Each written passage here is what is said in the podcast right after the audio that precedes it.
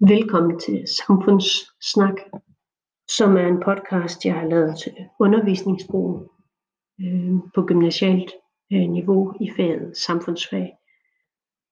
Øh, den her episode den handler om øh, sociologi og familiemønstre. Jeg vil først læse en artikel op, og bagefter vil jeg lave en øh, kort analyse af artiklen ud fra nogle faglige samfundsfaglige begreber. Øh, artiklen, jeg vil læse op, er fra den 7. maj øh, 2019, og den er bragt i Kristelig Dagblad. Artiklen hedder Forsvar for traditionelle familiemønstre er blevet en tabersag. Ytrer man kritik af de moderne familieformer, som et stigende antal danskere lever under, bliver man mødt af strid modvind.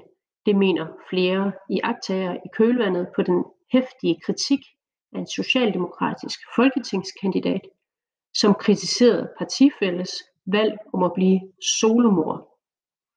Da Roskilde Kommunes socialdemokratiske borgmester Joy Mogensen for nyligt annoncerede, at hun var blevet gravid med en anonym donor, røg folketingskandidat fra samme parti Simon Simonsen til tasterne. Ulykkeligt, at vi er blevet så selvcentrerede og egoistiske.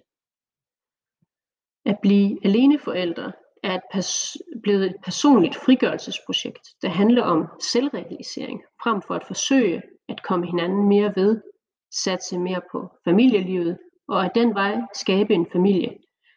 Simon Simonsens syn på borgmesterens valg har efterfølgende medført massiv kritik fra flere sider, og blandt andre Socialdemokratiets formand Mette Frederiksen har kaldt folketingskandidatens holdninger for uforståelige.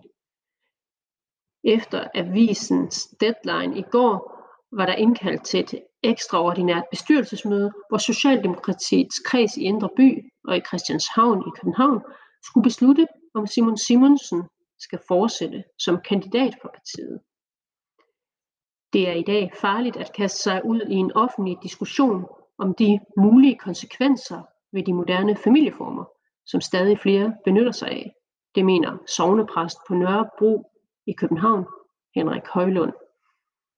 Den kraftige opstand mod Simon Simonsen og hans holdninger er det seneste eksempel på, at man som forsvar af traditionelle værdier er oppe imod mangfoldighedens absolutisme.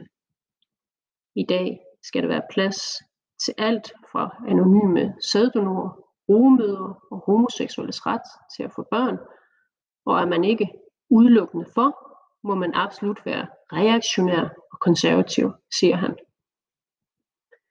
Den socialdemokratiske folketingskandidat er med sine udtalelser blandt andet blevet kritiseret for at ville indskrænke kvinders ret til at bestemme over egen krop.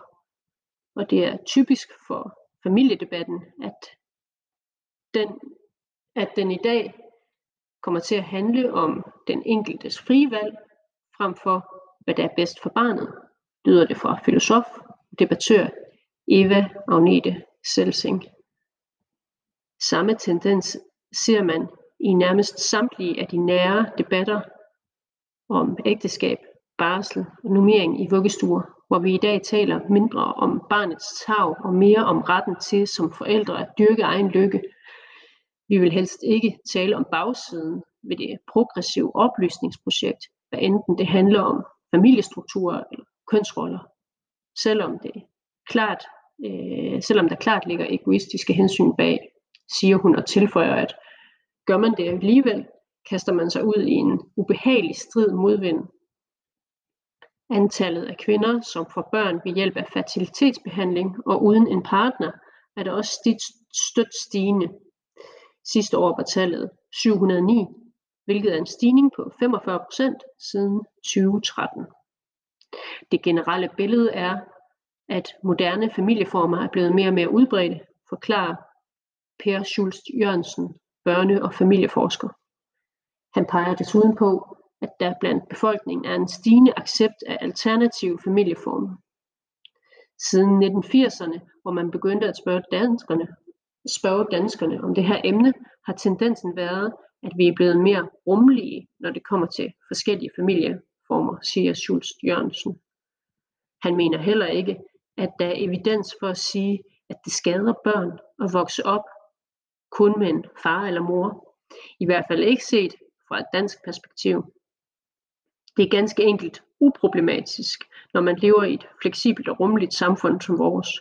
Børn har brug for nærhed og kærlighed i de første år af deres liv, og det får de, når de er sammen med alt fra ansatte i daginstitutioner til bedsteforældre. På sin vis kan det faktisk være en fordel for barnet at vokse op i en ene forsørgerfamilie, hvis alternativet er fortravlede forældre, som ikke tager sig den nødvendige tid til barnet, forklarer han. Man kan ikke længere sige, at der kun er én rigtig familieform. I dag spiller det en rolle, at et barn har tætte sociale og følelsesmæssige bånd til mange forskellige mennesker. Tidligere blev det ikke ansat for at være lige så væsentligt. Den socialdemokratiske folketingskandidat Simon Simonsen er af flere fra sit parti blevet opfordret til at fjerne sit opslag på Facebook, som har medført kritikken. Det har han valgt ikke at gøre, og personligt fortryder han heller ikke sine ord. Jeg, tager en helt legitim debat. Jeg mener, at donorbørn skal kunne få kendskab til deres far. Jeg er optaget af politik, og jeg har holdninger. Debatten om, hvor vores samfund er på vej hen, synes jeg er fornuftig at rejse. Jeg må sige, at jeg er overrasket over, at vi er kommet hertil, hvor jeg måske får frataget min politiske platform på grund af denne holdning, siger Simon Simonsen. Som du selv siger, risikerer du at miste dit kandidatur. Blandt andre Socialdemokratiets formand, Mette Frederiksen, har kritiseret dig. Er det så vigtigt for dig at stå ved dine holdninger? Jeg har lyttet og undskyldt og beklaget, at man kunne blive personligt ramt af det, jeg skrev. Men det er ikke øh, politik kun at udtrykke de holdninger, som man ved andre er enige i, siger han. Hvad med kritikken fra din egen formand, Mette Frederiksen? Jeg følger partimandens linje. Øh, jeg følger partiformandens linje. Jeg er hverken den første eller sidste, som er uenig med ledelsen. Øh, det skal der være plads til i et parti som vores, ellers kan vi ikke udvikle politik. Jeg er bekymret for øh, det demokratiske sindelag, hvis han end ikke må udtrykke en holdning som den her, siger Simon Christensen. Jeg vil nu øh, lave en kort analyse af den artikel, jeg lige har læst om.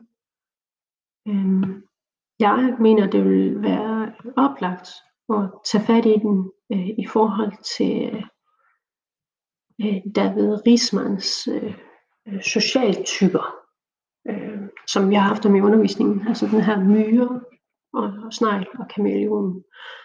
Øhm, titlen på artiklen er Forsvar for traditionelle familiemønstre er blevet en tabersag. Så vi kan allerede her se, at de her traditionelle familiemønstre, det er en central del af, af, af artiklen. Øhm, der står et sted, at øh, det er i dag farligt at kaste sig ud i en offentlig diskussion om de mulige konsekvenser af de moderne familieformer, som stadig flere benytter sig af. Det mener sovnepræst på Nørrebro i København, Henrik Højlund. Øhm, vi kan sige, at øh, altså, øh, myren øh, fra det her traditionelle samfund øh, bor i den her store familie, hvor, hvor de her traditioner er meget vigtige, og traditionen de bliver båret videre over i, i, øh, i det moderne med, med sneglen og den her kernefamilie. Men hvor øh, kameleonen øh, øh, ligesom markerer, øh, at det her med singlekultur og skilsmisser er meget udbredt. Ikke? Øh, og det er jo også noget af det, vi kan se i den her øh, artikel, øh, at det handler om de her moderne familieformer og en, en kritik af den, nærmest et, et forsvar for den her kernefamilie, øh, som sneglen øh, David øh, Riesmans øh, snegl øh, har i det moderne samfund. Ikke? Så ligesom sådan en, en hien tilbage efter øh, nogle mere traditionelle familiemønstre, øh, som vi havde i det moderne samfund, kunne man sige. Øh, her kunne man jo så øh, tage direkte fat i, i, i Giddens begreb øh, aftraditionalisering, ikke? fordi det er netop det, vi ser. Vi ser den her aftraditionalisering på familieområdet, som, som Giddens taler om. Ikke? Øh, Udover det, så er der også hans begreb om individualisering. Fordi at øh, når der står, at blive alene forældre er blevet et personligt frigørelsesprojekt, ikke? det handler om selvrealisering, eller øh, når ham her Simon Simonsen siger, at det er ulykkeligt, at vi er blevet så selvcentrerede og egoistiske, så er det jo måske sådan træk ved den her individualisering, som Giddens han opererer med. Det er også det, som øh, den her filosof og debattør Eva Selsing øh, fremhæver, når hun siger det her, at øh, samme tendens ser man i nærmest samtlige af de nære øh, debatter om ægteskab, barsel og normering i vuggestuer, øh, hvor vi i dag taler mindre om barnets tag og mere om retten til som forældre at dyrke egen lykke, Så den her frisættelse, individualisering. Øh, man kan også binde øh, hans begreb om udlejring af de sociale relationer på, fordi der er jo tale om det her med daginstitutioner flere steder i artiklen. Blandt andet har man øh, Per Schulz Jørgensen, der argumenterer for, at, øh, at børn også kan finde nærhed og kærlighed i for eksempel øh, ved deres bedsteforældre eller ansatte i daginstitutioner. Ikke? Det her med, at vi udlejer de sociale relationer til de her daginstitutioner. Et sidste sted, jeg synes, det er oplagt at tage fat, det er øh, slutningen af artiklen, som egentlig ikke relaterer sig så meget til vores sociologiforløb, men mere til øh, vores demokratiforløb, øh, hvor ham her Simon Simonsen han argumenterer for, at, at, øh, at det er lidt vanvittigt, at han bliver så kritiseret for den her holdning, fordi det er jo hans synspunkt. Øh, og han mener, at der skal være plads til at have forskellige synspunkter, også selvom man er i samme parti. Øhm, han slutter af med at skrive, at jeg er bekymret for det demokratiske sindelag, hvis man end ikke må udtrykke en holdning som den her. Altså, så øh, ytringsfrihed, det er også for, for politikere, øh, synes argumentet ligesom at være, øh, hvilket er et meget stærkt argument, ikke? Altså, at, øh, at bliver øh, den her fyrs øh, holdninger ligesom undertrykt. Øh, han har nogle rettigheder. Øh, bliver den her øh, fyrs øh, holdninger undertrykt. Han har nogle, øh, han har nogle rettigheder i et, i et demokrati, øh, som vi lever i. Ikke? Det er jo en del af, øh, grundlaget for at have et demokrati, det er den frie valghandling på den ene side, ikke? Og, og de har rettigheder på den anden side. Så han har også ret til at have sin egen holdning, øh, og burde måske ikke blive sanktioneret så hårdt for, for at have den. At det så måske er lidt dumt at, at kritisere en, en partifælde på de sociale medier, det er jo sådan en helt anden sag.